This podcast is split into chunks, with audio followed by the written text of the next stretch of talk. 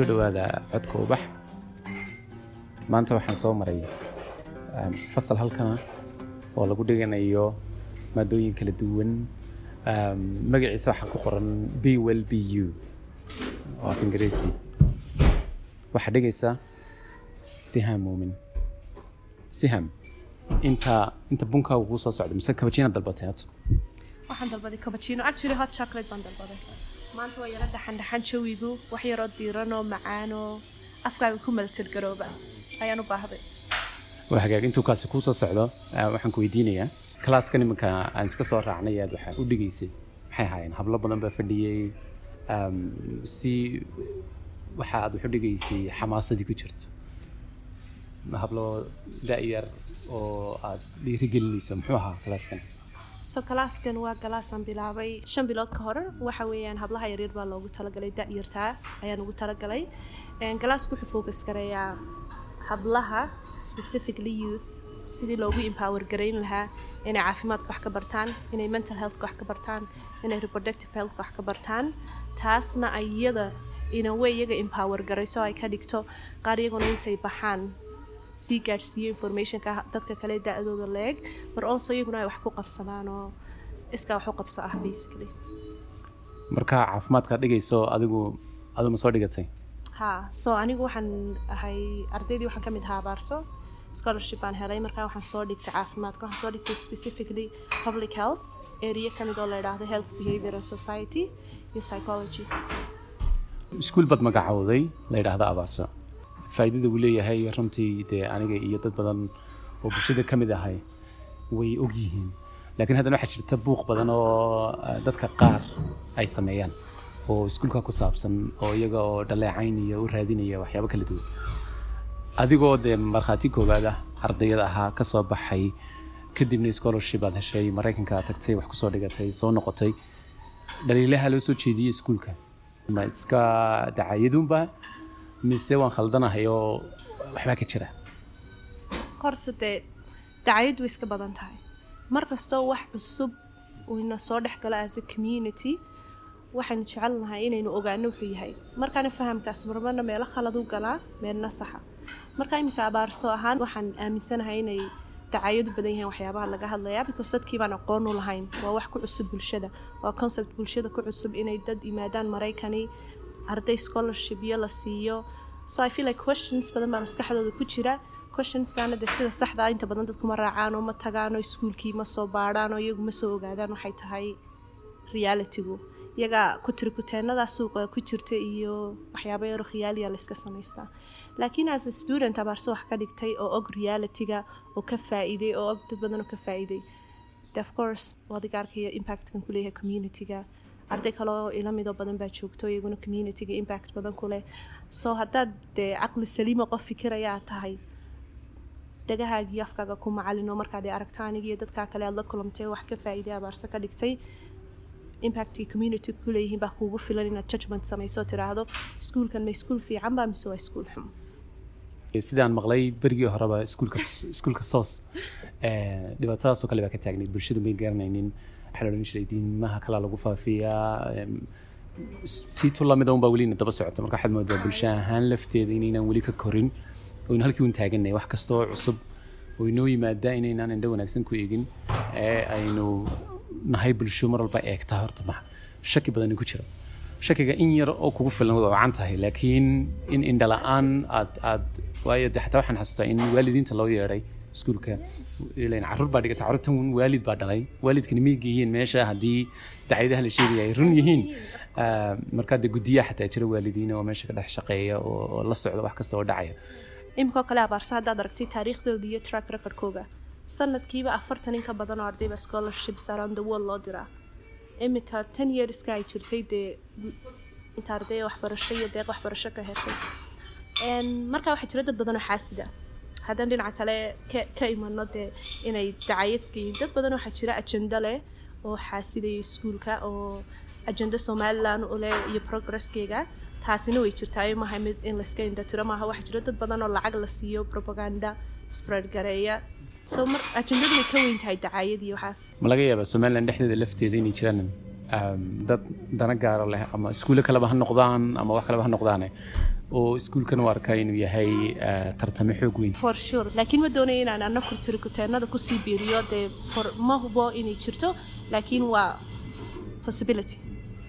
Adigu dalka goormaad ka baxday um, scholarship nooceye baad heshay xageedsa tagtay maxaad soo dhigatay intaanad soo noqon? Anigu waxaan helay scholarship 2014 waxaan tegay jaamacad la yidhahdo University of Rochester. It's a private university top 20 maraykanka ku jirta private institutionska. Waxaan soo bartay laba degree. Waxaan dalka ka tegay 2014 waxaan soo noqday 2019 opportunities badan baan also intaan wax baranayay aan helay. Oo ay shaqo ka mid tahay oo internship ka mid tahay.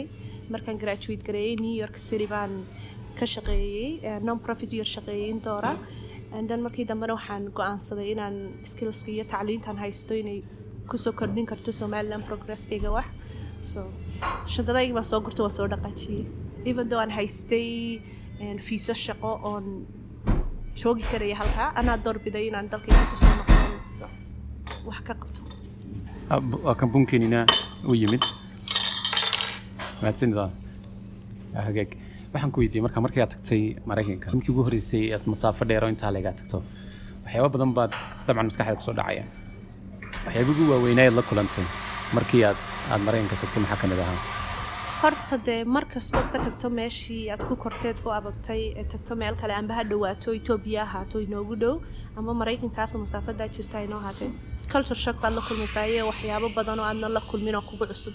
Even though dee maraykanka aan idea ka haystay on hollywood movies ay soomaaliya oo dhan daawataan ood is leedahay oo maraykanku sidan uu eegyahay dadku sidana u nool yihiin markaad tagto reality way ka duwan tahay specifically markaad tagto dee private institute taan tegay oo kale ah ay dadka inta jooga ugu badan ay yihiin dad privilegeda oo taajiriina oo dee in a way adigoo isle waxaad ka timid middle class oo privilege baa tahayna somehow markaad tagteed aragti dadkani wealthkay haystaan iyo siday u nool yihiin. Completely different ay yihiin oo shak kugu dhacaysa in a way. But also haddana in that same environment aad aragto dad homelessa oo dee literally aan haysanba miilka ay maanta cuni lahaayeen. Inta badanna maraykanku waxaa la idhaahdaa they're genius markay markay ku timaado brandingka. Hollywood movieska waxaan ka aragnaa you know the american dream wax kasta waa perfect but in real life waxaa jira dad badan oo sideen u nool lahay si ka daran u nool. So waxaan malaynaya experienceku waxay igu soo kordhisay perspective badan oo ah dee aanad ka arkayn markaad america tv-ga ka arkayso oo ah basically dadka in badan baa sideen u noolnahay u nool in badan bayna actually nolol ka fiican inagu ku noolnahay. But also just that perspective uh, dad kaa fikir duwan dad waktigooga value gareeya. Waxyaabahan kala soo noqday maraykanka waxaa ka mid imika waktigayga minute kasta ugu ad adagahay versus soomaalida inagu waxaad moodaa inayn maalintii haysanaba laba boqoloo saacadood qof kastaaba saacad halkan ku luminayo saacad halkaa ku luminayo. But also waxyaabaha kale ka duwaneen iminka markaan soo noqday dalkeena aan appreciate gareeyo.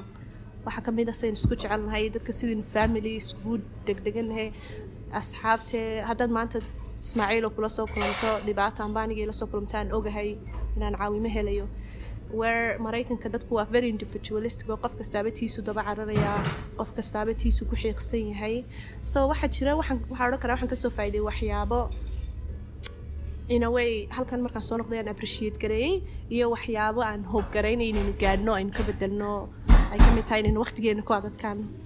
Iminka wan dabcan waktigaas oo kale aad sheegtay. Aad bay bulshada kale inooga duwan yihiin bulshooyin badan oo adduunka inooga duwan yihiin. De sida saxdiina waa sidaas markii aad adigu soo noqotay dalkaad ku soo noqotay labada kun iyo sagaal iyo tobankii bay ahayd bilowgeedii inaguna waxaynu is aragnay oon shaqo isugu nimid isla labada kun iyo sagaal iyo tobankii un maxaa kuu qabsoomay muddada era gaaban ee aad joogtay? Waan arkay oo dhowr jeer oo aynu wada shaqaynay oo kala duwan. Intaa arrimaha bulshada umad ka shaqaynaysay maxaa kuu qabsoomay ilaa hadda? Maxaad is leedahay waad bedeli kartaa horta waxa biggest accomplishmentka soo far ii qabsoontay intaan joogay waxaa ka koowa classkan aan bilaabay he will be you projectkaygan classkan aan wado. Oo ardaydii classkii koowaad ay graduate garanayaan bishan alxamdulilah waxa weeyaan programka haddaan in yar kaaga sheego muddadiisu waa lix bilood. Waxaan bilaabnay classkan koowaad september. Iminka way bishan ay alxamdulilah graduate garaynayaan xaflad yar baanu samaynaya waan ku sii faraxsanahayba. So taasaa ugu weyn waxaa ii qabsoomay but also waxaa jira dee volunteer baan hoo dad badan baan caawiyaa oo hargeysa cultural center ka mid tahay but also iminkana for the last four months waxaan la shaqeeyaa ministry of employment social affairs and family gender department koogon iyagana campaigno badan iyo wacyigelino badan kala qayb qaatay oo ay ka mid ahaayeen sixteen days of activism dhawaana aanu xusnay maalintii international day of f g m. So i would say waxyaabo badan oo aduu kala tafaraariqsan ayaaban contributions ka soo kordhiyey dalka but specifically kalaaskiga koowaad ka faraxsanayn iminka graduate garaynaya dabcan sanad kaliyaad joogtay. Marka aan xoogaal wahay waxyaabaad qabatay. Aad bay u fara badan yihiin. Maxaa kuu qorshaysan mustaqbalka dhow iyo ka fog labadaba? Mustaqbalka dhow waxaa ii qorshaysan inaan ku dadaalo inaan opportunities u create gareeyo youthka specifically hablaha. Hadday tahay trainingkayga dhexdiisa hadday tahay waxay ku qabsan karaan trainingkan waxay ku bartaan outside of markuu dhammaado. But also waxaan doonayaa inay halkan xagga siyaasadana inay youthku ka qayb noqdaan. So insha allah inaan halkaana dhaqdhaqaaq waqti yaro geliyo. Because iminkoo kale issueska aniga igu important ka shaqeeya inta badan waxaa ka mid ah f g m-ka. Haddaynaynu haysan dad dhalinyaro ah dad dumara oo baarlamaanka ka mid ah oo issueskan iyagana important yihiin oo u dhaqdhaqaaqayo hadday policy tahay hadday tahay implementation ayna jirin. Way adag tahay community levelka dadka anigoo kale arrimaha shaqeeya waxay qaban karaan. So marka that's why inay siyaasadda ka mid noqdaan dhalinyarada iyo dumarku in that aspect ay muhiim u tahay. Dabcan baarlamanku waa meeshii lagu go'aaminayay shuruucda dalka iyo xeerarka. Ma aha wax weli halkii doonaynay gaadhay. Waxaa loo haystaa in reernima lagu tagaa oo laysugu codeeyaa. Waxyaabaha la go'aamiya inta badan maba ahaba waxyaaba bulshada saamaynta hoose ku leh. Dadku ma fahansana awoodda baarlamanka waa sababta ay dadka meesha jooga ay u xisaabtami layihiin ama loo xisaabin layahayba horta dowladdu say u dhisan tahay haddaad aragtay ila waxaynu odhanaa somaliland waa democratic country. Democratic countryguna saddex qaybood bay leeyihiin oo check and balance sameeya so waxaa jira judiciary systemkii dowladdii iyo baarlamaankii marka haddayna fahamsanayn reasonka ay saddexdaa system isku ag socdaan dee horta waa mid dhibaataa dadkeenuna taasayna fahamsanayn. Markaad baarlamaanka inaad haysato dad kala duwan oo diversto u jooga meesha representation kala duwan oo u dagaalamaya issues kala duwan dhinacun baynu gaadhaynaa laakiin imika meel lama taagnin waayo dadkiina ma fahamsana powerku baarlamaanka uu leeyahay siduu wax uga bedeli karo movementkooga. Baarlamaankiina isaga laftarkiisii ma fahamsana because waa dad generation gap baa halkaana jiro waa dad in badan iska fadhiyey meesha.